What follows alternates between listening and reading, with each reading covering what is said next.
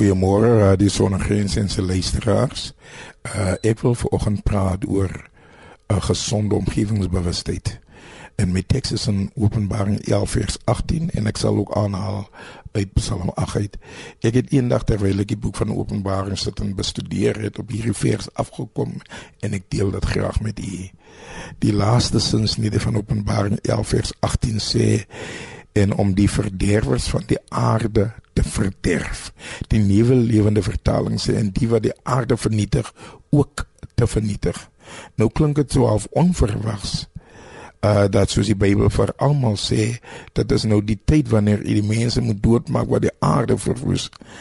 Maar wanneer ons die ryk wyte van saligheid in ag neem, kom ek tot die slotsom in die woorde van 'n ou koortjie, the half as never yet been told. Die mandaat van die mensdom is primêr om agter God se skepping te kyk. Dis kom Psalm 8 sê, wat is die mens dat jy hom dink en die mense kan dat jy hom besoek.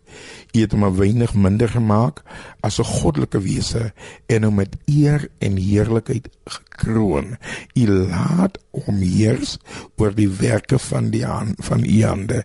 U het alles onder sy voete gestel, skape en beeste, die almal en ook die diere van die veld, die voëls van die hemel en die visse van die see wat trek deur die paai van die see. Dis dis al snaaks om te dink dat deels van die oordeel ook gaan wees oor hoe ons na die skepping gekyk het. En wanneer ek kyk hoe ons in die algemeen met die skepping omgaan, kan 'n mens nie anders as om te besef dat ons as kerk miskien vernalaat het om die mense mandaat om na die skepping te kyk ook so sterk te predik soos wat ons sonde gepredik het. Ons is so besig met die siel dat ons vergeet het dat 'n geredde siel ook 'n gesonde lewensbenadering moet hê, dat 'n geredde siel ook besorg moet wees oor dit wat vir God belangrik is en dit sluit 'n gesonde omgewingsbewustheid in. God se besorgdheid oor die skepping vind self beslag in die wet van Moses. U kan dit gerus op lees in Levitikus 25 van vers 3 tot 5 dit sal vir sommige mense verrassend wees om te besef dat hoe lief jy God ook al het, verdere beslag moet vind aan 'n liefde vir sy skepping, want God gaan die wat die aarde vernietig aan eie munt terugbetaal.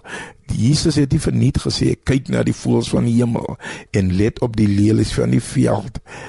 Kom ons bid. Dankie Vader dat ons nooit te oud is om te leer nie. Ek wil my beskeie bydra maak waar ek kan sien dat die skepping in sy geheel floreer. Amen.